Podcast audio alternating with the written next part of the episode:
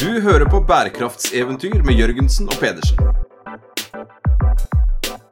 Bli med på eventyrlig jakt på bærekraftig business.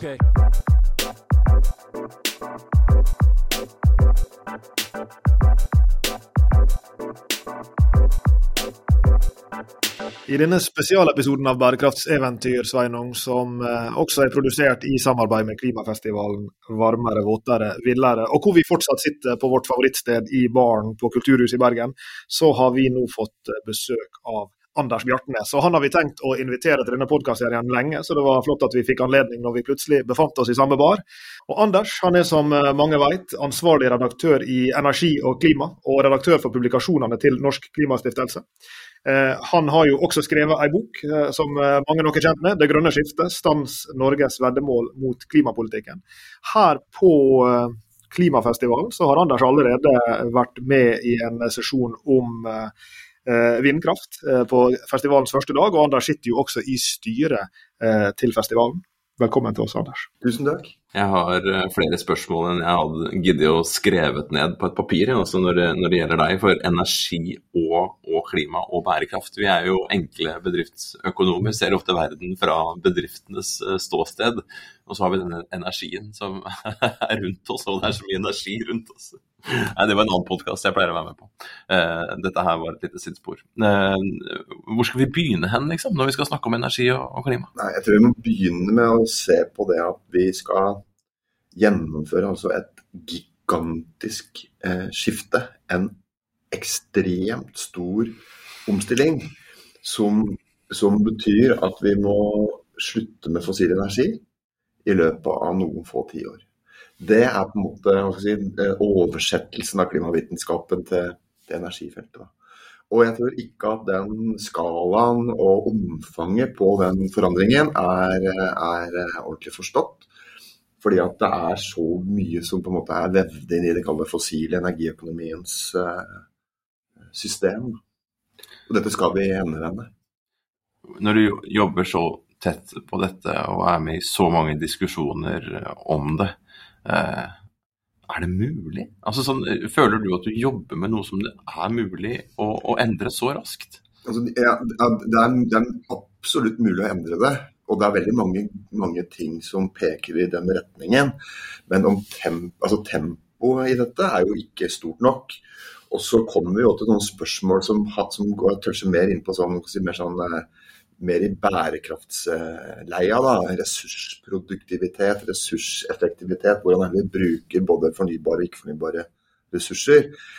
Så, altså, det, er er, altså, det, er, det, er, mye du kan erstatte liksom, rett fram med, ved å gå fra fossil til fornybar energi.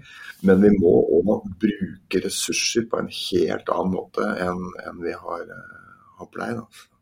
Og det er mer krevende på mange måter. Altså, du, altså, Kinas utslipp per innbygger er jo nå høyere enn OECD-snittet. Ikke sant? Men de har en utslippsintensitet i økonomien som jo er skyhøyt over det vi har. Så det er en ekstrem sløsing da, med, med, med, energi og råvarer i den kinesiske økonomien, som, eh, som er kanskje den viktige, altså som jo er den, altså halvparten av alt er Kina, liksom. Ja, og så ser vi på dette rommet her med opptaksutstyr og en TV på veggen og klærne vi har, så, så tror jeg ja. det er mye som kommer derfra. Ja, ja, ja. Men det, men det, er jo en, altså det er jo fryktelig mye, sånn, to, altså mye stål og betong og greier. altså Tunge, energikrevende strukturer da, som som bygges og, og, og, brukes, og som uh, er veldig energikrevende å framstille. Uh, ja. Så, men, men hovedpoenget er kanskje at den, ja, vi kan kjøre et skifte. Vi kan bytte ut liksom, fossilbil med elbil. Det er lett. Uh, men det å lage liksom, systemer som innebærer at vi bruker mye mindre ressurser, både fornybare og ikke-fornybare, er mye vanskeligere. Men bør vi kjøre bil, liksom? Ja, selvsagt. Ja, Men kan alle det?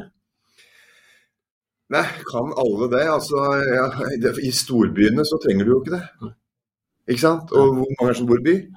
Det er jo en veldig stor del av verdens befolkning som bor i by. Men, men, eh, men altså, det er jo ikke noe problem at folk kjører bil til hytta. Hvis de altså, gjør det jeg kan ikke, Nei, jeg ser ikke det. Nei. nei jeg er bare nysgjerrig på, på ståstedet. for det, det, Jeg syns det er et veldig vanskelig spørsmål. Vi, vi blir ofte stilt det. Skal vi skru av krana? Ja, ja, det hadde vært fint å skru av krana. Jeg hører ikke at du sier at vi skal skru av krana, det er ikke bare så jeg har sagt det. Men, men, men den, den, den, det temposkiftet fra å gå fra de Når vi har bygd, liksom, brukt over 100 år på å bygge en økonomi rundt relativt billig olje, med relativt effektive maskiner eh, og, og, og, motorer. Eh, og alt er på en måte skrudd sammen rundt det. Eh, jeg leste den derre Scale-boka. at påsto han at eh, på begynnelsen av 1900-tallet så var det en soldrevet vannpumpe ved, ved Nilens bredder. Man hadde en, en, en motor på det. Eh, og, og, og, hvis man hadde investert så mye energi da, og tid som vi har gjort rundt den oljebaserte økonomien, på å ta tak i den teknologien der, så hadde det sett helt annerledes ut. Men så kom det bare en overflod av billig fossil energi, og så har vi bygd opp så mye rundt det. Og så skal man, Alle sammen skjønner vel nå, eller i hvert fall de aller fleste, at nå må vi gjøre ting på en annen måte. Og det må skje fort. Og så tenkte jeg liksom, det etterslepet å gjøre dette her. er derfor jeg spør deg, liksom, Tror du det er mulig innenfor det tidsrommet som, som vi nå skjønner at, at, at, denne endringen må skje? Men Elbil er egentlig et godt eksempel. Fordi at hvis du har, altså elbilen, altså Å gå fra en el når du er vant til å kjøre elbil, og så gå tilbake til en dieselbil, er jo som på en måte å skru på telefaksen. Det er en gammeldags, illeluktende, støyende, sløsende dings som ikke på langt nær er så behagelig og han må gjøre som en elbil. Og så Hvis du da tenker at da, okay, da elbilen må produseres på en fornuftig måte, og du må unngå altså, kobolt fra Kongo og, og, og, Men det er jo fullt mulig å få til. Og så, når du da bruker den, hvis du da har solceller på eget garasjetak hvis du bor i en egen en enebolig, da, eller at det er en lokalprodusert strømkilde i et, i et bymiljø, det er ikke noe problem det å legge nok solceller på lagertak og sånn til at du kan lade i ville, så er, har du på mange måter frigjort deg fra hele den fossile energiøkonomien.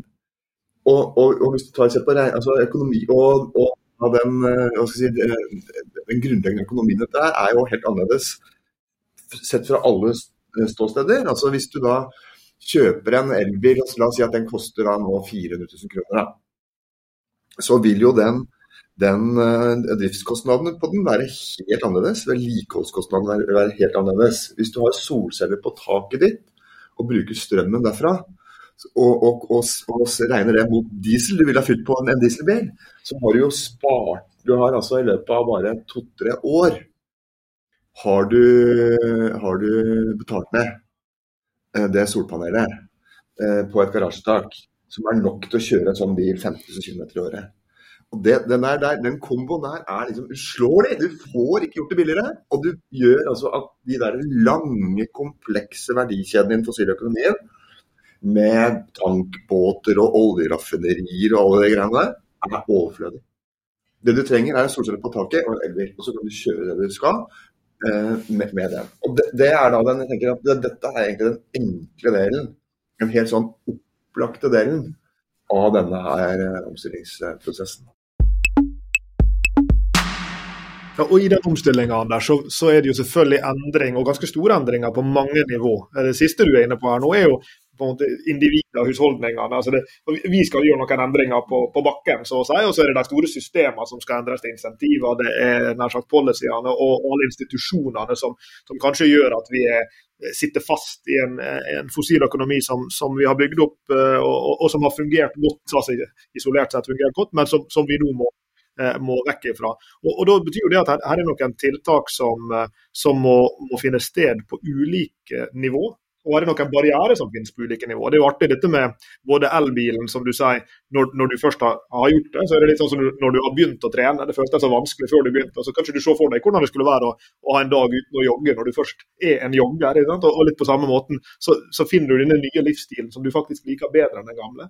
Og, og så vet vi at det er også noen sosiale påvirkninger. Det er vel en studie som, som viser bl.a. at den største prediktoren for hvorvidt noen har solceller på taket, er hvorvidt naboen har det. Mm. Så vi vet at her er noen sånne praksiser som, som sprer seg litt sånn positiv forstand smittsomt i, i uh, lokalsamfunn, f.eks. Uh, men så er det noen barrierer på individnivå, det vet vi. Det er vanskelig å begynne å trene og det er vanskelig å bestemme seg for å, å, å kjøpe en annerledes type bil enn, enn den du har hatt. Uh, og så er det noen tilsvarende barrierer på de andre, andre nivåene her. Vi, vi, har investert i alle disse teknologiene på nasjonalt nivå, på bedriftsnivå osv. Så, videre. um, så Så kanskje kan du, kan du kommentere litt på, på det nivået du, du ønsker her. Hva er de viktigste barrierene vi må komme oss forbi for å få til den omstillinga? Ja, det, altså, ja, det, det, ja, det, er, det, er, jo et lett spørsmål å svare på. og De vil jo være veldig forskjellige avhengig av hva slags sektor du holder på i. Men altså, vi holder fast i bilen og, og sånt noe lite grann, da. Så tenker jeg at den, nå bygger vi altså ny Vi, har, vi, altså, bor midt i Oslo sentrum. Og vi har et, en eiendom i Valdres som kjører mye Oslo-Aurdal. Og det gjør vi med en e-Golf, som er en nøktern elbil. Og vi lader den nesten gratis hos Oslo kommune. Og vi parkerer den nesten gratis hos Oslo kommune. Det er rasende billig eh, å gjøre det. det, er, det jeg fyller full tank for samme pris som en trikkebillett. Og det er jo en absurditet. Ikke sant? At det å bruke da den elbilen er billigere enn å ta, ta T-banen. Og det, altså når vi da kommer litt lenger i den omstillingen, så kan vi ikke holde på sånn. Og vi må liksom prise ting riktig. Det må være dyrere å kjøre bil enn å la være. Og jeg så nå irritert meg en dag når det parkerte en sånn ny sånn kinesisk eh, diktator-SUV i gata vår. Som er altså monster. Du ser at den er, den er lagd for å frakte det, det kinesiske kommunistpartiets ledere. Og den veier altså om det er tre eller fire tonn, aner ikke. Den tar liksom plassen til tre både lengde og bredde. Den bilen må jo avgiftsbelegges. Om den går alle så mye på el, så er det jo meningsløst å frakte ett eller to mennesker i liksom noe så monsterstort. da. Og, og der må vi inn og gjøre, altså, Det er en sånn reguleringsgreie. Og så tenker jeg at Når vi ser, også, hvis vi kjører oppover Dalom her, så, så, ser du at, at det bygges av nye veier. Det bygges av en vei over Solhøgda som jo er et stort naturinngrep. Ekstremt kostbart. Kanskje er det riktig å gjøre det, for det er, liksom, du, du, du, forbedrer bymiljøet gjennom masker og bærer. oppover. Og så planlegger de altså å legge en ny vei og firefelts vei oppover videre til der liksom Valdres og Hallingdalen altså skiller lag. Og det, og det, det jeg for det som er økonomer, da. Altså den samfunnsøkonomiske nytten ved at jeg da, vi kom, kona mi og jeg, kommer da 20 minutter fortere opp til Aurdal fra Etnedal for det er firefelts over de beste landbruksområdene på, i Norge, over Steinsletta og oppover der. Eh, og, den, og, sånn som disse kalkylene gjøres, så det er en barriere. ikke sant? Jeg sitter da og, og, og, gjør noen kalkyler på veibygging i Statens vegvesen og Nye Veier, som prissetter tid. Og den tida som da mm, sant, vi sparer da, på at det ikke er liksom saktegående kø over der fredag klokka halv fem, den gis en, en positiv verdi. Og så raserer du da altså kornåkre og Føler du et ansvar når du kommer fram på hytta til å bruke de 20 minuttene til fornuftig? liksom, jeg, jeg, håper det. Jeg håper ikke du bare setter deg ned i sofaen og bare og dupper av. Liksom. Jeg håper du setter deg ned og skriver en, en, en kronikk f.eks. Til, ja, til energi og klima. Og, og, kikker jeg på en av dem her fra, fra midten av, av, februar, så, så skrev du det grønne skiftet går altfor sakte. Skrev du 17. februar. Og i dag så begynner vi å, å, å gå litt ut i mars.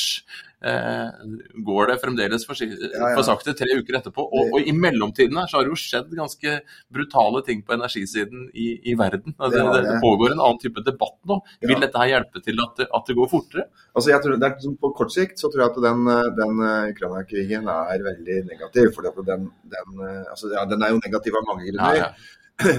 Men også i forhold til liksom den, den, ekstreme verdioverføringen da, av penger fra forbrukere til produsenter som skjer, det er jo ikke bra. Ikke sant? Hvem er det som blir rikere av dette? Jo, det er liksom Norge som, altså, som er det altså, Norge, altså, Det er jo veldig få kall det siviliserte petrostater i verden. Det er Norge og Canada, liksom. Australia delvis. Ellers så er det jo bare bandittstater i hovedsak som tjener penger på dette. Det er ikke, og det er, det er um, I oljebransjen også er det lett at vi tenker at liksom, oljesektoren er liksom Equinor og Shell og BP og børsnoterte selskaper, men det er jo bare en bitte liten del av det. det er jo stort sett statskontrollerte virksomheter, og etter hvert også mye sånn dodgy private equity-aktivitet, som eier dette her. Som, altså, og da liksom, Hvem er det som tjener nå helt sjuke volum penger da, på at gass- og er så høye? Hvor, det, det, det, går på bekostning av folk flest i mange land. Eh, og, og, og, det, og, det, er da en, eh, en liten håndfull land da, og selskaper som, eh, som eh, drar inn mm. inntektene og superprofitten. Mm. Og hvordan skal den liksom reinvesteres? Mm. Det, er noe, det, er et veldig viktig spørsmål mm. i, på 20-tallet i denne her omstillings...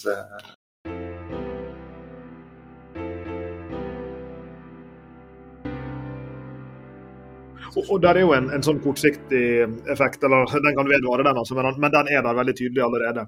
Eh, og, men så er det sånn spørsmål hva vil dette her innebære over litt lengre tid?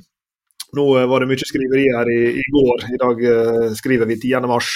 Uh, så i går så jeg over uh, på kryss og tvers i sosiale medier og avisene så var det så mye snakk om at bensinprisen nå hadde bikka 25 kroner. og ser vi nå noen sånne ikke tippepunkt, men altså noen, noen, utviklingstrekk i disse markedene her som vil fungere insentiverende for, og på en måte som en katalysator for omstillinga til grønnere energiformer? Helt åpenbart.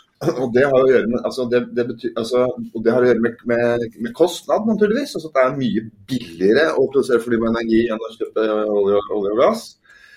Og det har å gjøre med energisikkerhet. Ikke sant? At det å være avhengig av, av fossil energi eh, avhengig av Russland for Europas del, det er jo ikke en eh, Vi kan ikke ha det sånn.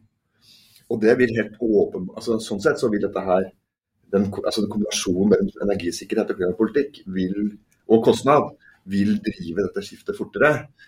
Men så er det sånne ting som da dukker opp. ok, er det, Hva skjer nå med, med kostnadsinflasjon på stål og på alle mulige greier som brukes i solceller og vindmøller osv.? Hva slags bottlenecks er det som dukker opp når det gjelder eh, ting de produserer i Ukraina, eller som vi importerer fra, Russland?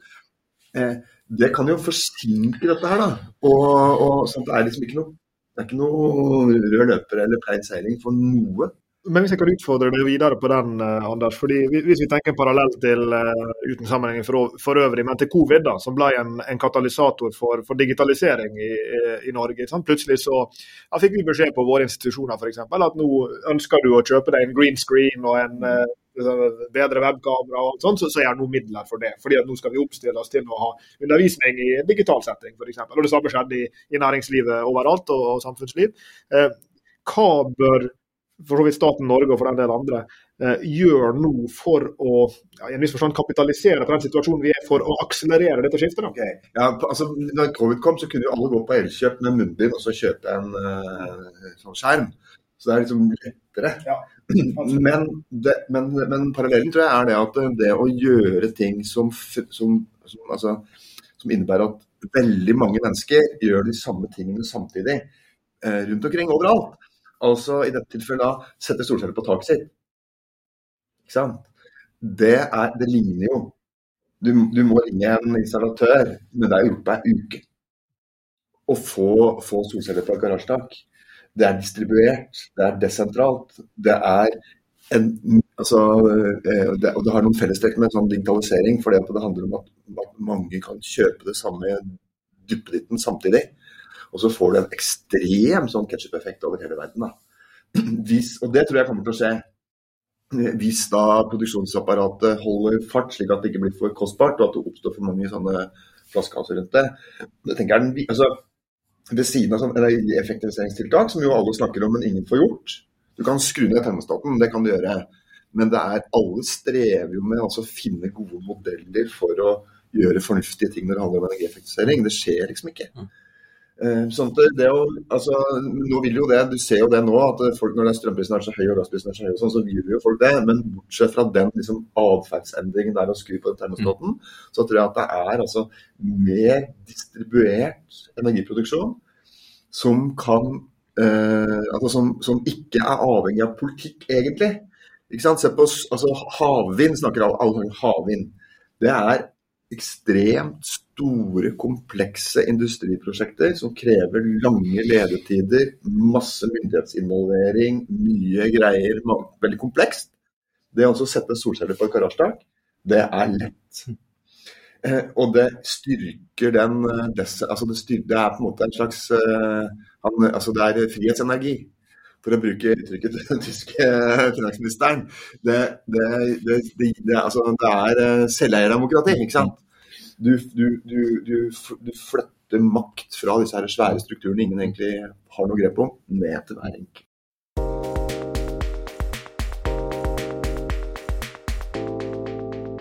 Vi er jo opptatt av atferd, Lars Jakob og jeg, i forskninga vår. og å forstå atferd. Lars Jakob spurte hva som var de største barrierene her i sted. Og, og, og du snakker jo litt om den atferdsendringen, det å gjøre disse her grepene litt kjapt. Jeg hørte på Hallgeir Sjåstad, vår gode psykologkollega fra NHH i går, som satt på en, en, en sesjon her i går, og så sa han, brukte han eksempelet på med, med dessert. Du, og, og det å ta beslutninger i dag kontra det å ta beslutninger for morgendagen. Jeg syns jo mye av klimadiskusjonen og, og de endringene i beslutningen det handler om hva som skal skje fram i tid.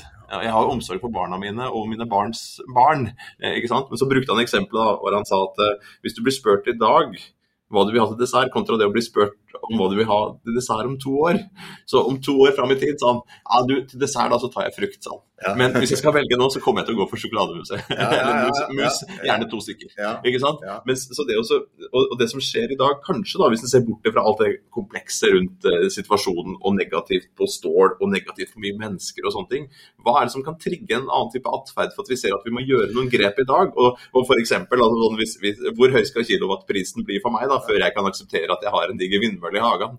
Altså, sånn der, og, og, og, og altså, Hva er det som kan trigge uh, litt sånn uh, å velge å velge rett og slett litt uh, fruktsalat eh, til dessert i framtiden. I dag. Dette her, altså, da, den, altså det som da tidligere kanskje ikke har vært så opplagt for, altså Hvis du putter dette her, altså solceller på taket inn i et Excel-ark, mm.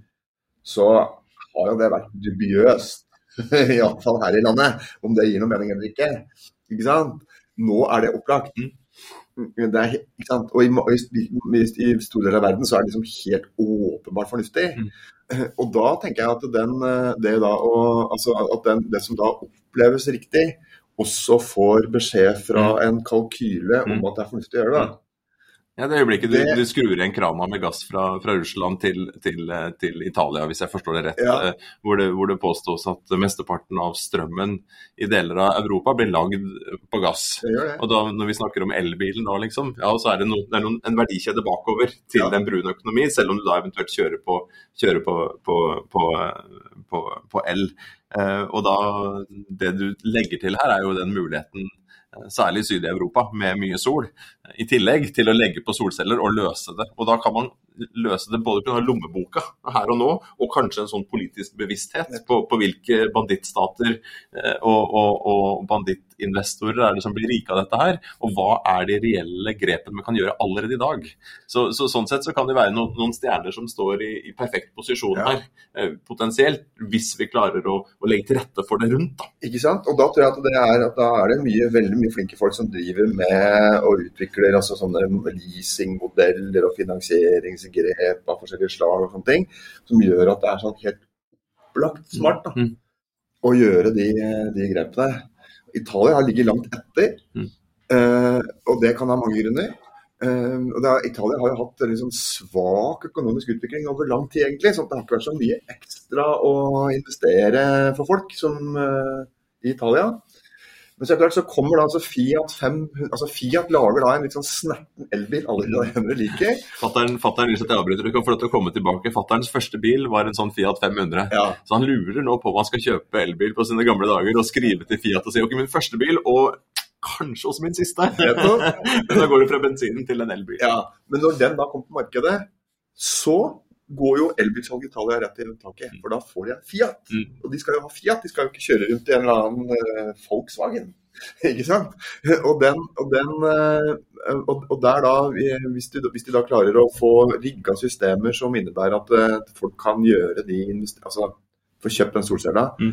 på en, en, enkel måte, uten å, at den kostnadsgevinsten altså, kommer veldig godt uttrykk. Og så gjerne, gjerne også, altså med batteri i tillegg.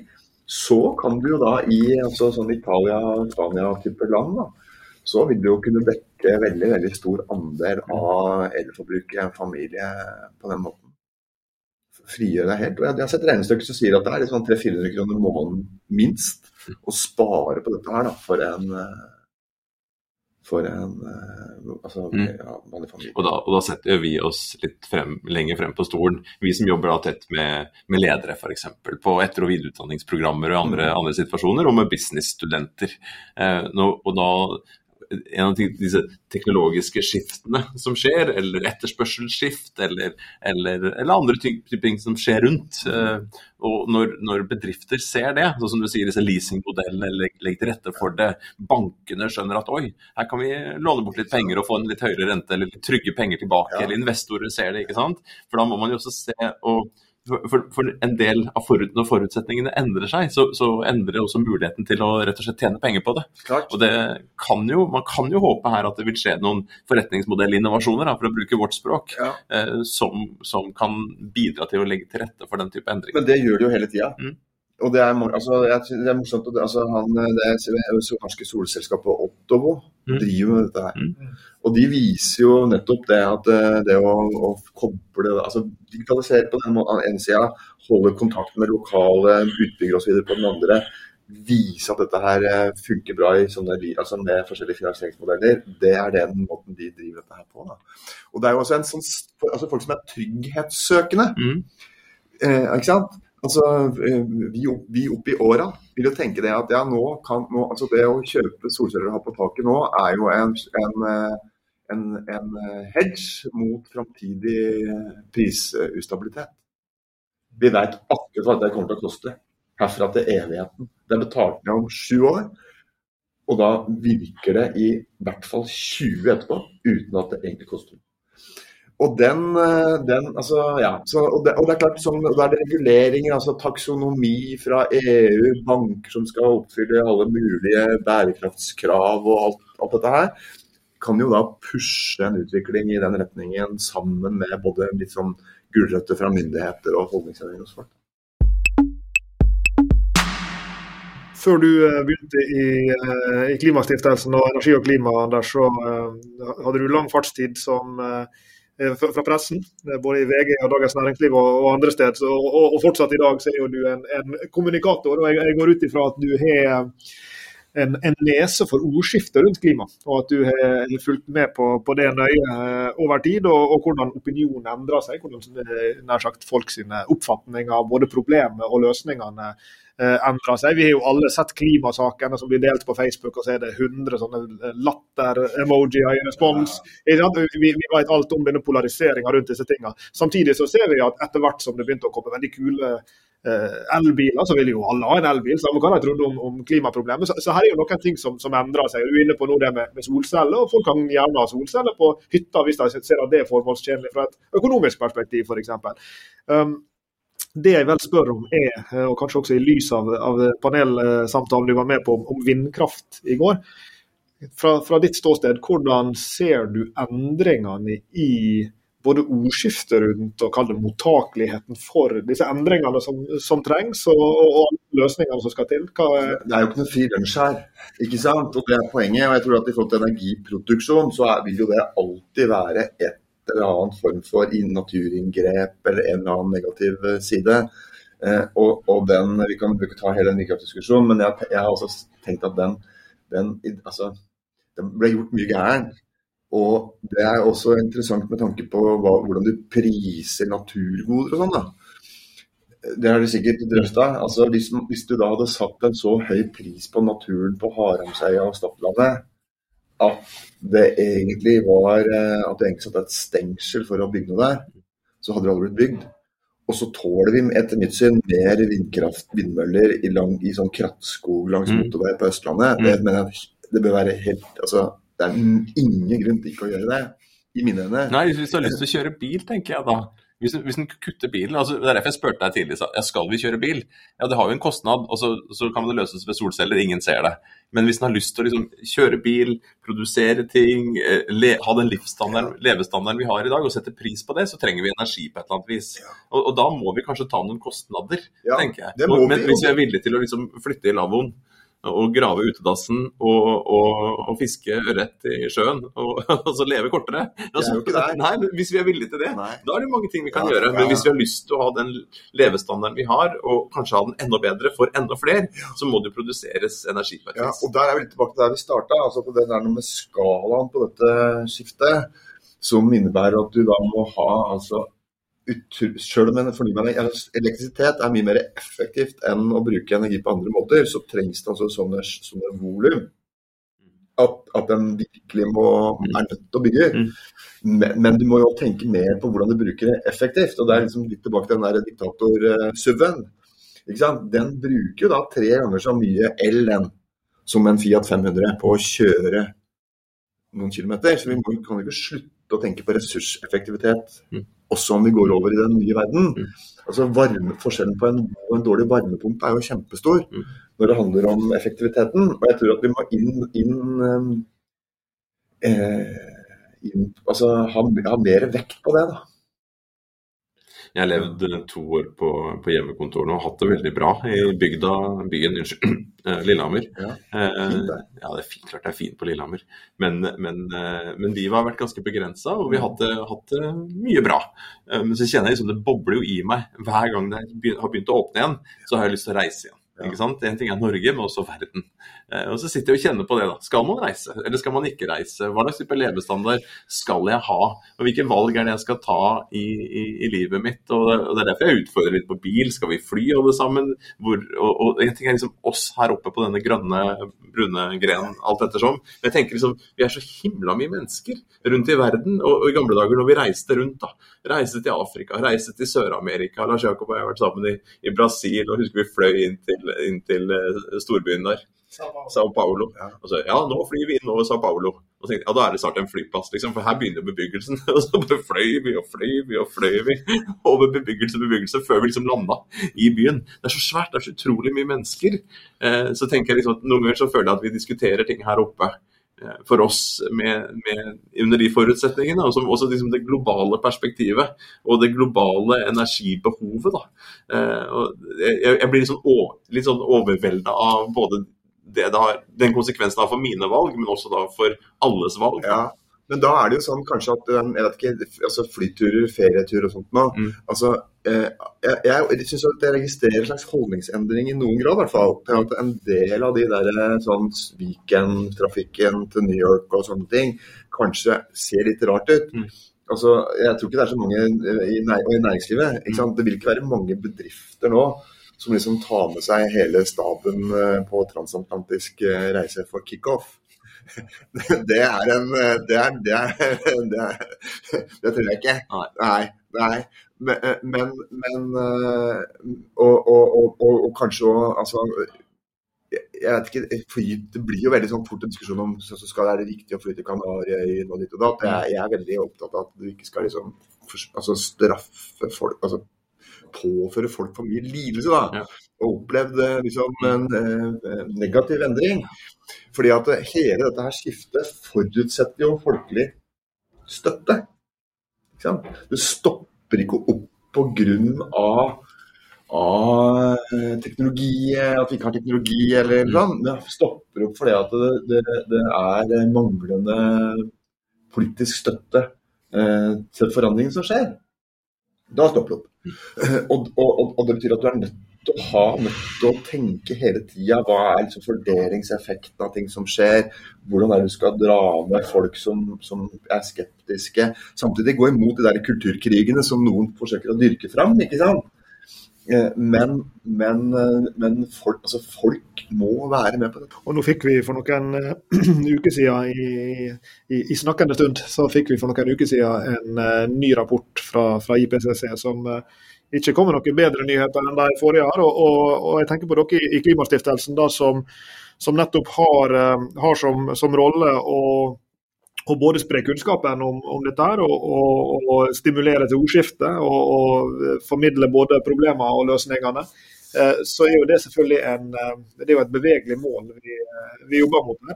I lys av det som, som vi nå har blitt opptatt, den oppdaterte kunnskapen da, i den nye rapporten. her, hva er hva er de prioriteringene som dere særlig tar for dere om dagen, og, og spørsmålene dere er særlig opptatt av om dagen? Altså, vi, vi, jobber jo bredt med mange av disse tingene, og vi har brukt mye på energifeltet. Jeg tror at Et område som vi kommer til å, å ville og måtte bruke mye mer tid på, det er matsikkerhet. Eh, matsikkerhet i vid forstand landbrukspolitikk, matsikkerhet i vid forstand handel med mat og matvarer. Fordi at det du ser er, Og der er jo Ukraina-krisen en sånn slags multi, altså, ikke sant? Fordi at Når du ser da på, på, på framtidsutsikter for, eh, for matvareproduksjon mange steder i verden, så er det dårlig. Det er masse verdikjeder som er uh, tvilsomme. Uh, det kommer til å bli dyrere med mat. Det kommer til å være vanskeligere å fø befolkning i land med lite kjøpekraft. Stor, stort potensial for sosial uro og migrasjon. Eh, dette her tror jeg kommer til å være viktigere og viktigere på mm. dagsordenen framover eh, for oss og for, for hele den diskusjonen. Altså.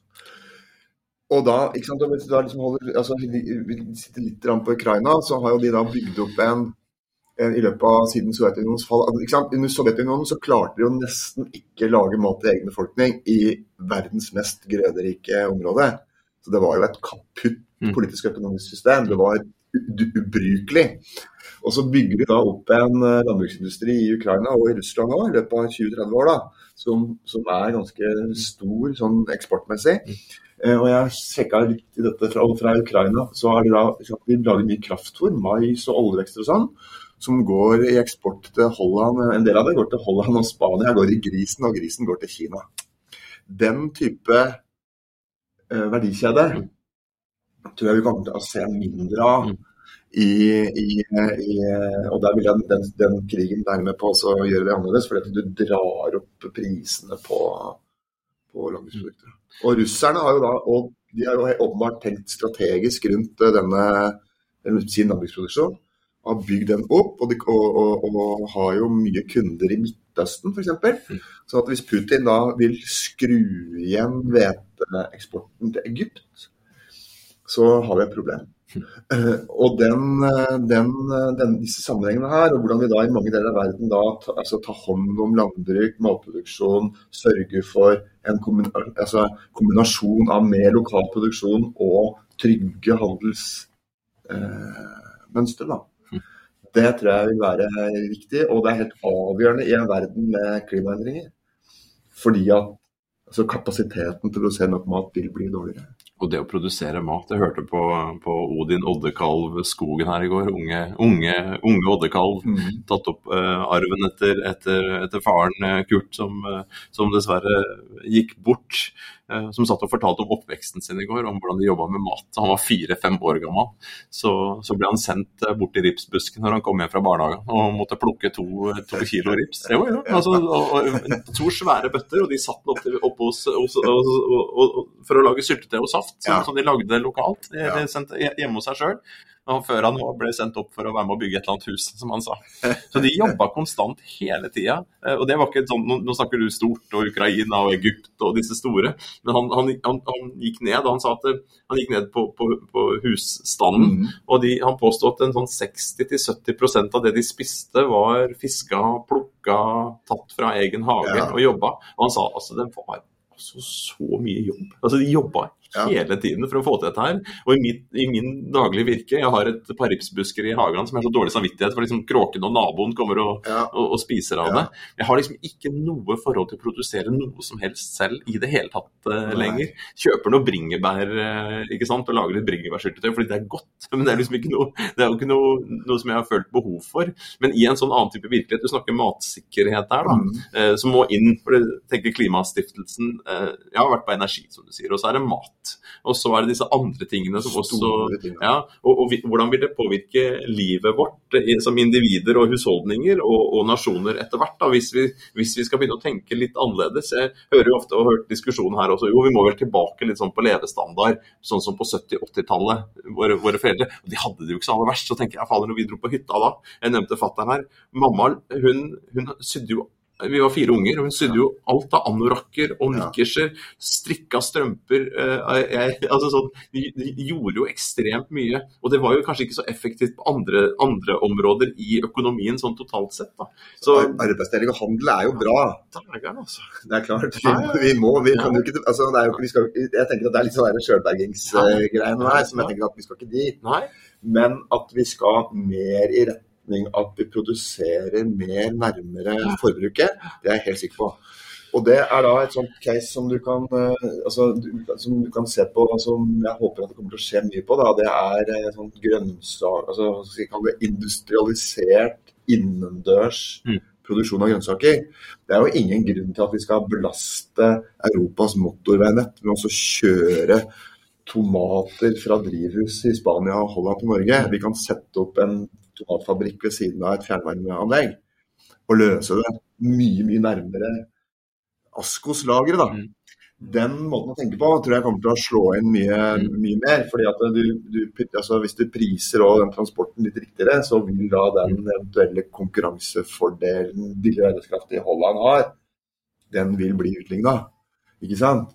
Og, og, den, eh, og dette kan du, tror jeg du kan se på mange områder, at det, at det er en del sånne utslag av den der, altså, sånn frihandelsglobaliseringa som man var innom i går, han Thomas Seltzer her nede i, i USA, det, som kommer til å å, å, å rykke tilbake, sjøl om en på langt nær skal liksom slutte å handle og slutte å utnytte komparativt fortrinn. Det må vi jo.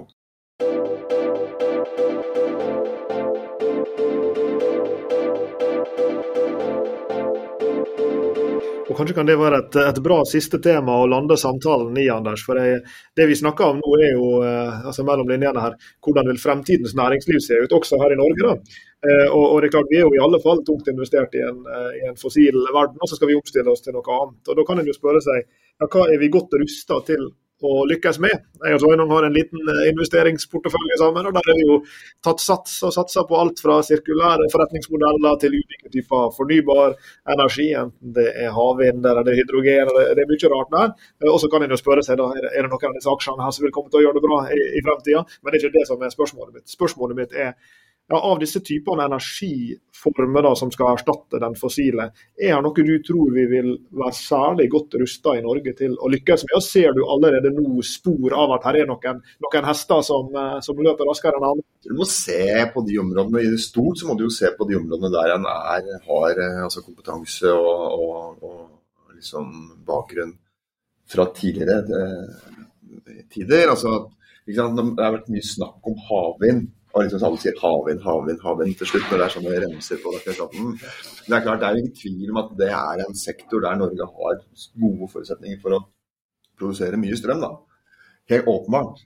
Fordi at vi har så store havområder og, og, og er flinke på alt som skjer i havet. Det, det tenker jeg at det er, det er nødt altså, Og du ser også i forhold til hva slags, Europa, altså, hva slags energibehov Europa har.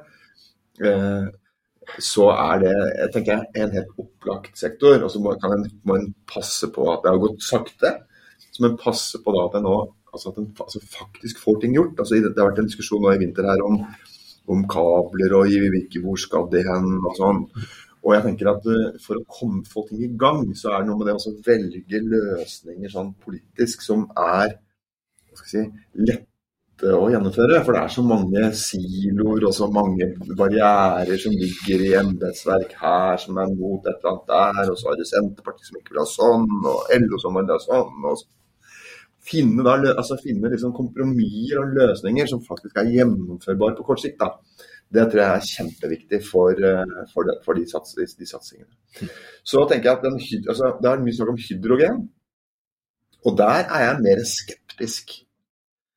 Og det har å gjøre med det at, den, at det er en energikrevende, ressursintensiv måte å, å, å energi, altså bruke energi, produsere energi på. Bevare, eller bevare energi på. Så vi, vi, må, ha, vi må ha det, men vi må ha minst mulig av det.